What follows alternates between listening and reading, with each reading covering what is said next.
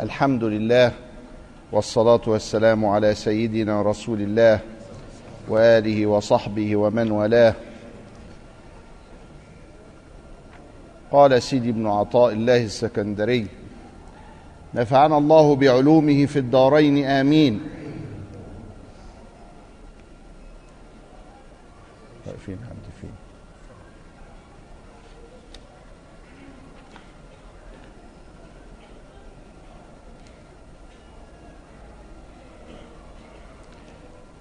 لا يشككنك في الوعد عدم وقوع الموعود وإن تعين زمنه لئلا يكون ذلك قدحا في بصيرتك وإخمادا لنور سريرتك.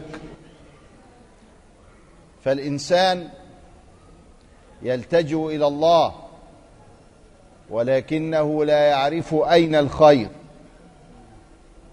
ولو علم الخير ولو علم الغيب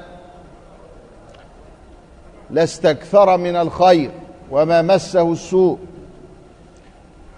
ولو علم أن الخير هو ما أراده الله ما طلب.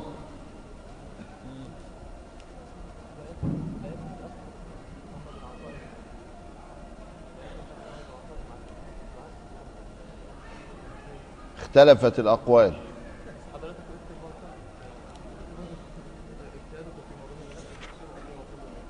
بس وقفنا عند كده. طيب أمال أنت بتقول سبعة ليه؟ لا لأنك سمعتني بشرح دي في العشيرة. فاتلخبطت ما بين الأزهر وبين العشيرة. طيب. بيقولوا إحنا واقفين عند الحكمة السادسة مش السابعة. ومال نقول الحكمة السادسة. قال رضي الله تعالى عنه لا يكن تأخر أمد أمد العطاء مع الإلحاح في الدعاء موجبا ليأسك فهو ضمن لك الإجابة فيما يختاره لك لا فيما تختاره لنفسك. وفي الوقت الذي يريد لا في الوقت الذي تريد. يعني لا حول ولا قوة إلا بالله.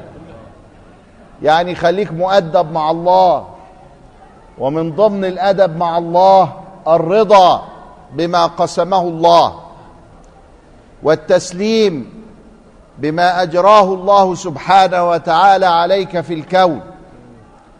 ولذلك إذا أردت الدعاء وأردت الالتجاء فافعل ذلك عبادة وليس تشوفا للدنيا. واسأل من الله سبحانه وتعالى خيري الدنيا والآخرة فهو مالك السماوات والأرض ومالك الدنيا ومالك الآخرة مالك يوم الدين سبحانه وتعالى. فالالتجاء إلى الله وحده ولا يكون مقصودك إلا الله ولا تتعلق بالزمان ولا بالمكان ولا بالأشخاص ولا بالأحوال ولا تلتفت إلى ما سواه وخل قلبك من السوى واجعل مقصودك الأعظم هو الله سبحانه وتعالى والتجئ إليه. هذا الدعاء. إما أن يستجيب لك فيه فورا وإما أن يؤجله فيستجيب بعد مدة وإما أن يدخره لك عبادة وثوابا يوم القيامة. يبقى الدعاء خير كله. استجيب أو لم يستجب لأنك لا تدري أين الخير ولا تدري الغيب ولا تدري ما هو أصلح لك. الذي يعلم ذلك كله هو الله سبحانه وتعالى لا إله إلا هو ولا حول ولا قوة إلا بالله. يعلمك الأدب مع الله في أمور. الأمر الأول إذا ما دعوت الله فادعوه عبادة. لا تدعوه سبحانه وتعالى تشوفا وطلبا للدنيا. إنما ادعوه عبادة. والنبي صلى الله عليه وآله وسلم يقول الدعاء هو العبادة. في حديث أبي هريرة الدعاء هو العبادة. ده حديث صحيح أخرجه الأربعة. في حديث تاني أقل صحة لكنه صحيح أيضا لكنه أقل سندا يقول الدعاء مخ العبادة. شوف الفرق. الدعاء مخ العبادة يعني أعلى شيء في العبادة. أما الثاني الدعاء هو العبادة. يعني الصلاة دعاء والزكاة دعاء والحج دعاء والصيام دعاء. الدعاء هو العبادة.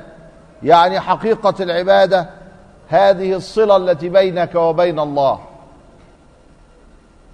في بعض الناس عندما تدعو ربنا آتنا في الدنيا وما لهم في الآخرة من خلاق. يا مولانا خلي ابني ينجح. الشيك اللي علينا يتسدد. القضية اللي موجودة. يتنازلوا عنها. كله دنيا. ما حدش قال ابدا ادعي ربنا يفتح عليا فتوح العارفين به.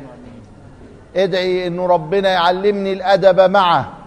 ادعو الله لي أن يشفع فينا نبيه يوم القيامة. ادعو الله لي أن يدخلنا الجنة من غير حساب ولا سابقة عقاب ولا عتاب. ادعو الله أن يعلي درجتي يوم القيامة. ادعو الله أن يستر عيبي وأن يغفر ذنبي. ادعو الله أن يمتعنا بالنظر إلى وجهه الكريم. ابدا كل ده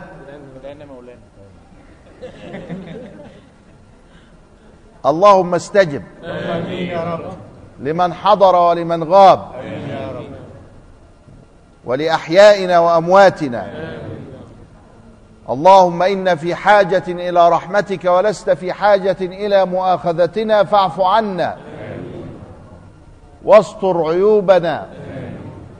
وارحم زلتنا. واقبل توبتنا. إنك على كل شيء قدير. يا حليم يا الله يا الله يا الله. أو دي من بركة سيد ابن عطاء. نقرأ كتابه فنذكر الله وترقي قلوبنا لذكره. إيه ده؟ ما هو قاعد ياخد ثواب هو دلوقتي. مما ترك من بعد من نصيحة للمسلمين. وذلك من إخلاص نيته نور الله بذلك قلبه. فكان منورا رضي الله تعالى عنه وأرضاه وضريحه هنا في سفح المقطم يزار عليه من الأنوار وجلائل الأسرار ما لا يخفى على عارف. قال لا يكن تأخر أمد بيعلمنا الأدب مع الله. تأخر أمد العطاء ودعيته ما استجبش ليك. اوعى يحصل حاجة في قلبك من تبرم من استئخار من وبعدين بقى بلاش قلة أدب مع الله. خليك حلو. خليك راضي. قول يا سلام ده أنا كنت أضيع نفسي. ده أنا بدعو بحاجة الله أعلم كان يترتب عليها إيه. يا لطيف. سبحانك يا كريم. لا يكن تأخر أمد العطاء مع الإلحاح في الدعاء موجبا ليأسك. ما ييأس من روح الله إلا القوم المين الكافرون والعياذ بالله. ونحن قد من الله علينا بسيد الخلق وبالإيمان به صلى الله عليه وآله وسلم فانتقلنا من الظلمات إلى النور ومن الكفر إلى الإيمان. ومن الضلالة إلى الهدى. فالحمد لله الذي منحنا ذلك من غير حول منا ولا قوة. إنما هو محض توفيق من الله وهداية من الله. فكان الصحابة تقول ما أنعم الله علي بنعمة بعد نعمة الإسلام. ما فيش حاجة أكبر من نعمة الإسلام يا أخوان. لا مال ولا جاه ولا صحة ولا كذا إلى آخره. بعد نعمة الإسلام أكثر من كذا أو كذا ويعدد نعم الله عليه لكن بعد نعمة الإسلام. فالله هدانا وجعلنا من المؤمنين فلا تيأس لأن اليأس من صفات الكافرين. إنما نعمل إيه؟ نفهم الأدب مع الله يقتضي إيه؟ الفهم. يبقى أول حاجة بيعلمها لنا إنك إذا دعوت فادعو عبادة. وادعو عبادة يعني إيه؟ يعني لا تجعل قلبك متعلقا بالمطلوب. ادعيه وكأنك بتقول يا رب افعل لي كذا إن شئت. معناها كده. افعل لي كذا بإرادتك وقوتك حول وحولك متى شئت وأن شئت. اللهم اصرف عنا السوء بما شئت وكيف شئت وأن شئت. اللهم إن لم يكن بك علي غضب فلا أبالي. شوف كلام بقى سيد المرسلين مع ربه. بيعلمنا الأدب. أول حاجة الدعاء عبادة تاني حاجة بعد ما خليت قلبك عن المطلوب وجعلته وجعلت المطلوب هو الله وليس الغرض اللي انت بتدعو فيه دنيوي أو أخروي جعلت المطلوب هو الله فلا تيأس مع الإلحاح في الدعاء من تأخر المدد. فإن المدد من الله.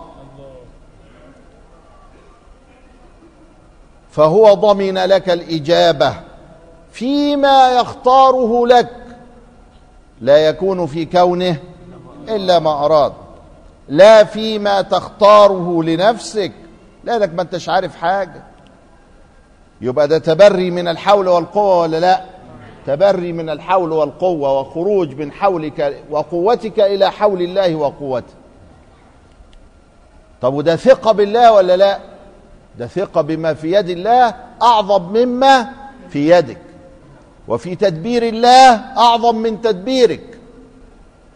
يبقى إذن بيعلمنا كل المعاني دي أن الدعاء عبادة وأننا نخرج من حولنا وقوتنا إلى حول الله وقوته وأن نثق في بما في يد الله أكثر مما نثق بما عندنا وأن لا يتطرق إلينا اليأس لأن اليأس من صفات الكافرين ونحن مؤمنون والحمد لله رب العالمين. وفي الوقت الذي يريد سبحانه فإذا ما سلمت هذا التسليم كنت مجلى. مجلى يعني إيه؟ يعني مراية. المراية مجلى للصور بتقف قدامها وبتظهر فيها بمين؟ صورتك صورتك اللي بتظهر فيها.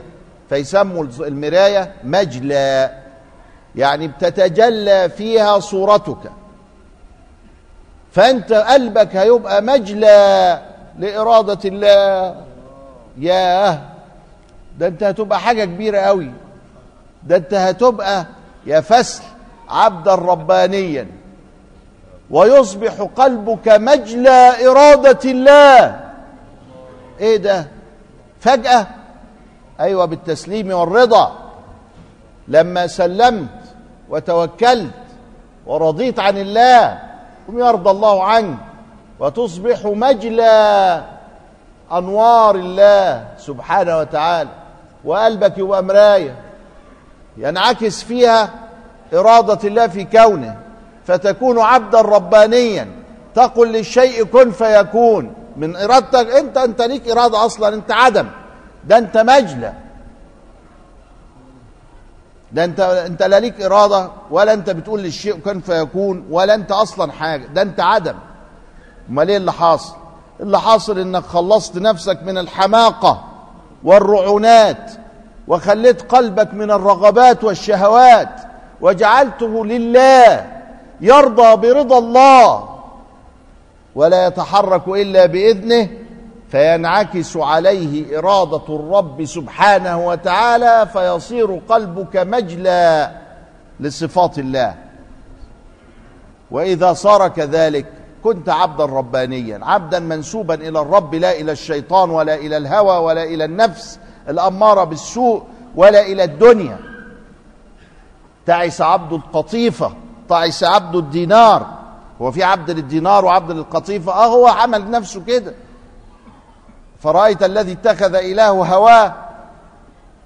ما هو في ناس بتتخذ الشيطان إله الهوى إله الدنيا إله القطيفة ال- ال- الدرهم. كان رسول الله صلى الله عليه وسلم تعس عبد الدرهم تعس عبد القطيفة لا في الوقت الذي تريد. يبقى ده حول وقوة ولا تبري من الحول والقوة؟ تبري من الحول والقوة. لا يشككنك في الوعد عدم وقوع الموعود. وإن تعين زمنه لئلا يكون ذلك قدحا في بصيرتك. اللي هو العين اللي بتشوف بيها القلب حقائق الأمور. ما هو في بصر بنرى فيه المحسوسات وفي بصيرة بنرى فيها الحقائق. وتتنزل عليها الأنوار وتنعكس على الحقائق فيرى الأسرار وتنكشف له. حقيقة أن الله على كل شيء قدير. يمكن تفهمها بدماغك لكن ساعتها هتحسها بقلبك. حقيقة أن الله خالق كل شيء. حقيقة. ولكن ده أنت فاهمها بدماغك لكن ساعتها هتشوفها بقلبك. يبقى إذا في فرق بين فهم الدماغ وما بين رؤية الأمر ومشاهدته بعين البصيرة. اوعى بصيرتك تقفلها وتغمض عينك. اوعى بصيرتك تفقعها فتصير أعمى البصيرة لأن ملهاش حل. وإخمادا لنور سريرتك في أنوار جوه. والنور لما بتولعه في الأوضة بتشوف الحاجات اللي فيها ولا لأ؟ طب ولما بتطفيه؟ ما تشوفش حاجة. فلو نور بصيرتك اتطفى جوه قلبك يبقى مش هتشوف حاجة يا عيني. خلاص؟ يبقى اذا اوعى. حتى لو حدث أن فات الزمن. ليه؟ لأن الأمر عبادة. كان واحد من مشايخنا ماشي مع واحد من الناس الذين لا يفهمون. ومعهم شخص ثالث فمروا على رجل من أهل البصيرة. فقال له إنك ربنا يرزقك بولد. قال للثالث ربنا يرزقك بولد. فلما خرجوا من عند الشيخ قال العارف هذه بشرى. وقال الجاهل هذا دجال إيش عرفه بالغيب؟ والرجل الثالث تردد بينهما يا ربنا يرزقني ولا مش يرزقني بالولد. وبعدين الراجل كبر في السن وما فيش ولد ولا حاجة. يعني جه وقته ما فيش ولد. وبعدين قال للعارف الجاهل قال للعارف شوف اهو اهو ما جاش ولد ولا حاجة. قال له انت فهمت كلام الشيخ؟ فهمت انت كلام الشيخ ولا ما فهمتش؟ قال له يا ولد يبقى ولد وخلاص. فهمت كلام الشيخ. ولد هيجي له ولد. وهو ما جالوش يبقى الشيخ دجال. الشيخ مات. والراجل التاني ده اللي كان هيجي له الولد مات هو التاني وما جالوش ولد ولا حاجة. فالجاهل قال للعارف ها أهو مات. ولا جاله ولد ولا بنت. قال له أنت فهمت كلام الشيخ؟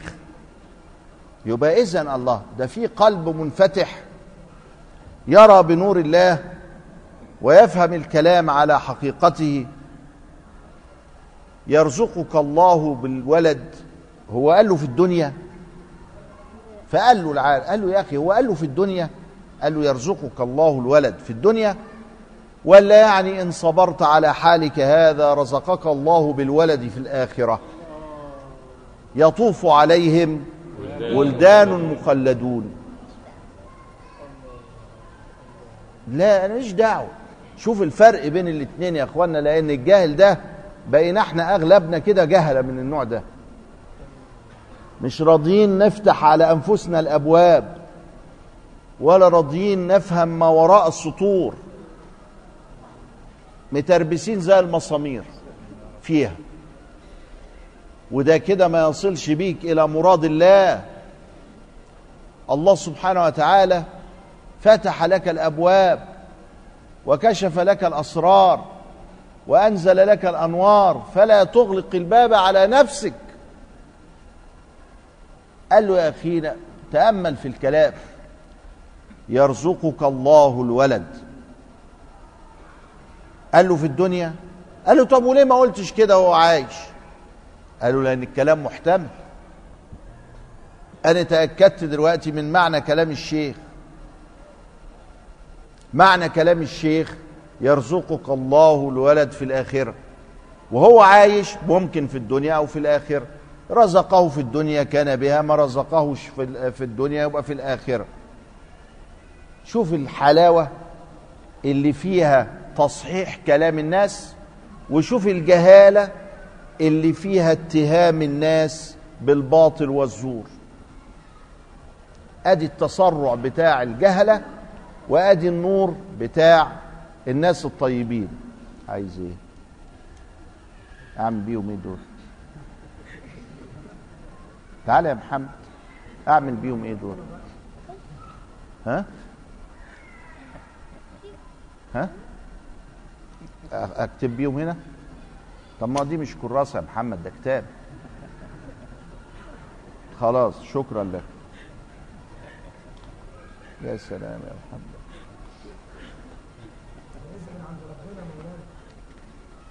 مدد.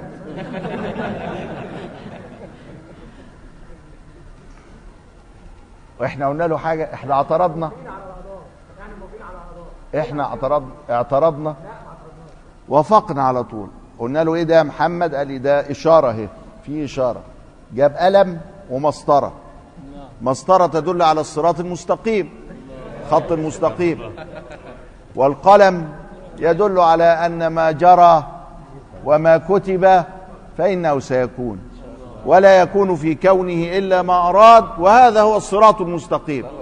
أهو هو دي اللي محمد قالها لنا دلوقتي. قلم ومسطره يعني أؤمن بالله وامشي على الصراط المستقيم. ده اللي مكلف أنت بيه. وتفهم من كده إيه عند الله؟ أن الله سبحانه وتعالى قد خط بالقلم ما كان وما يكون وأن الإيمان بذلك إنما هو الصراط المستقيم. ماشي؟ بس إذا كنتوا عايزين إشارة يعني. إشارة. إشارة. طيب إذا ف... إذا فتح لك وجهة من التعرف. فتح لك وجهة من التعرف يعني جه قلم ومسطرة وفتح لك حاجة كده. ها؟ فتح لك حاجة. معنى. فلا تبالي معها إن قل عملك. يلا دي بشرى ليكوا بقى. فلا تبالي معك إن قل عملك. يعني الحكاية يا إخوانا مش بكثرة الأعمال.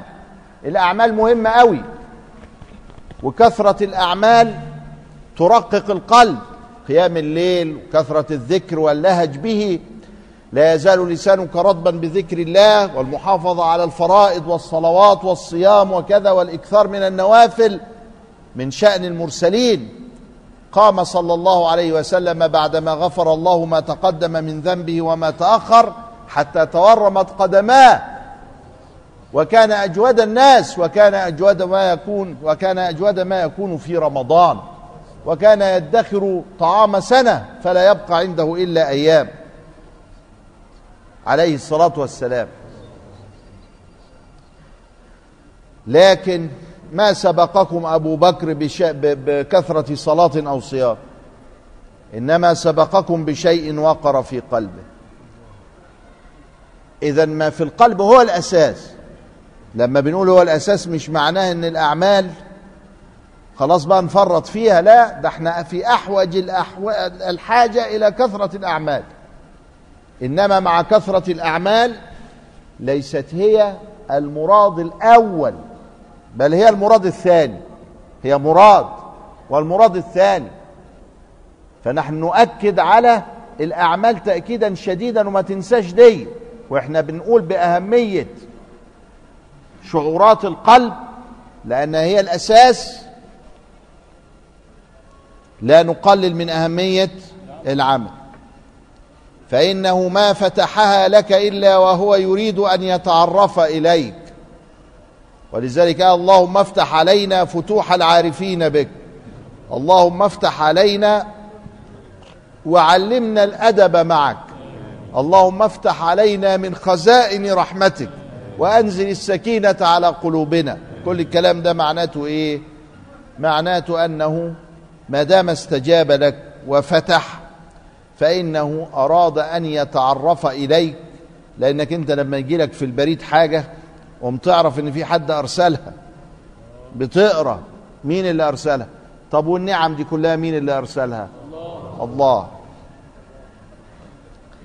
ألم تعلم أن التعرف هو مو- مورده عليك؟ النعمة دي هو اللي موردها عليك. طب والأعمال بتاعتك؟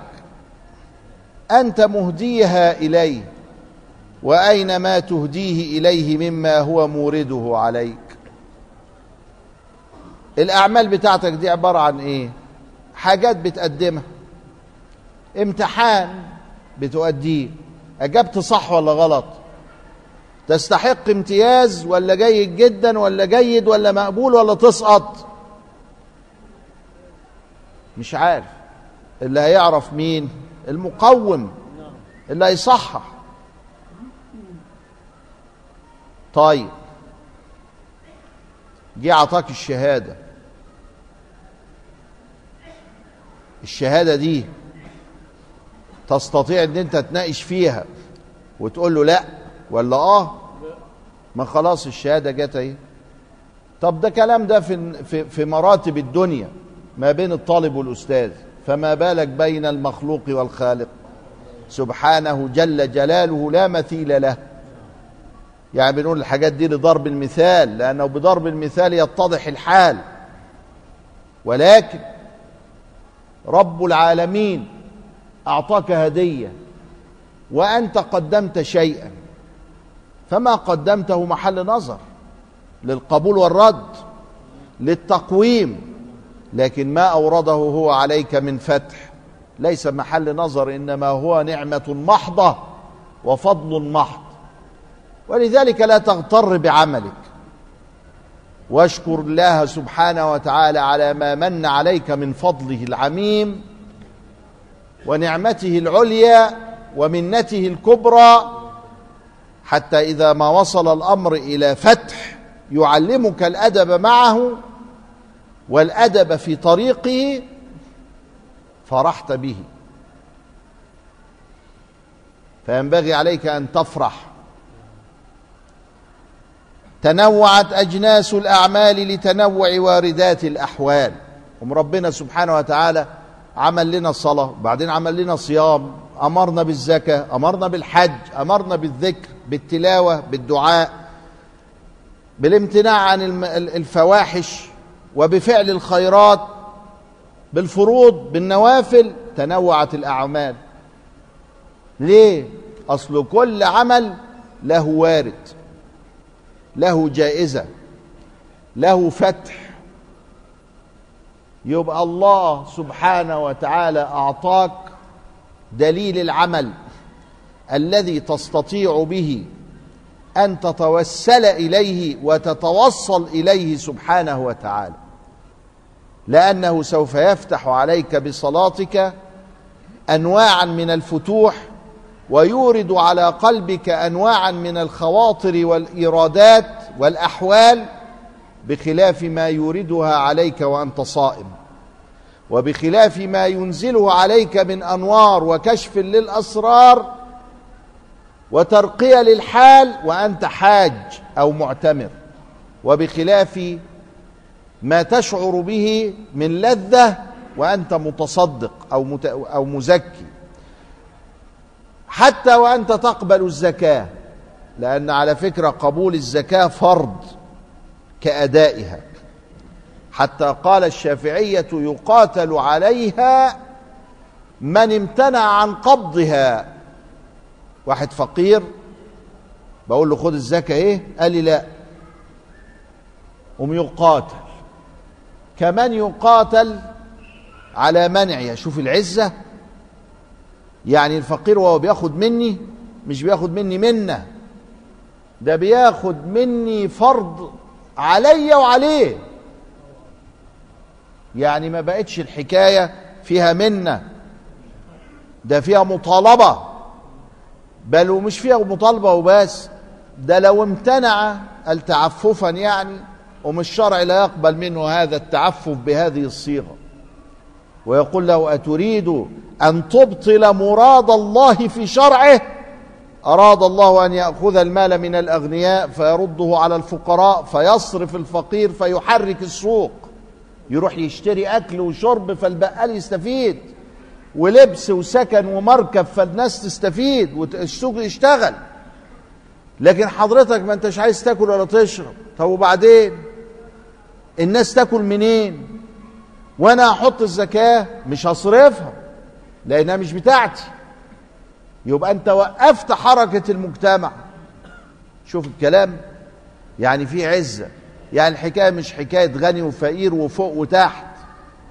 دي الحكاية هنا حكاية مراد الله من شرعه ومراد الله من خلقه. قال رحمه الله تعالى الأعمال صور قائمة. زي الإزازة دي صورة إيه قائمة؟ لكن فيها مية من جوه. يبقى صور قائمة أهي وأرواحها وجود سر الإخلاص فيها. المية بقى إيه؟ اللي بتروي إيه؟ الأعمال ولا الإخلاص؟ الإخلاص. في مية من غير إزازة ما تتبحتر وتضيع في الأرض. الإزازة من غير ميه آه وارد إنه يبقى في إزازة من غير ميه بس قيمتها كام؟ ثلاثة ساغ. من أبو ثلاثة ساغ. إنما لما يبقى فيها مية قد تصل إلى مليون جنيه. لما تكون محتاجها. عايز تشرب. وتنقذ نفسك من الموت ومعاك المليون تدفع المليون. لها منفعة. لكن الإزازة منفعتها إيه؟ تابعة عشان تحفظ. يبقى مهمة ولا لا؟ غاية في الأهمية. طب أمال هي المقصود؟ لا. بالرغم من أنها غاية في الأهمية إلا أن المقصود الأهم هو الماء الذي في داخلها. الذي يحدث الري أو الشبع عند الإنسان الماء والطعام. مش الإناء. الإناء ما يحدث الري. يبقى اذا علينا أن نفهم هذا المعنى الجليل الذي يجعل الأعمال يقول الأعمال صور قائمة وأرواحها وجود سر الإخلاص فيها. يبقى لابد عليك من الأعمال ولا بد عليك أيضا من أن تضع فيها سر الإخلاص إنما الأعمال بالنيات وإنما لكل امرئ ما نوى والله تعالى أعلى وأعلى. نستمع بقى إلى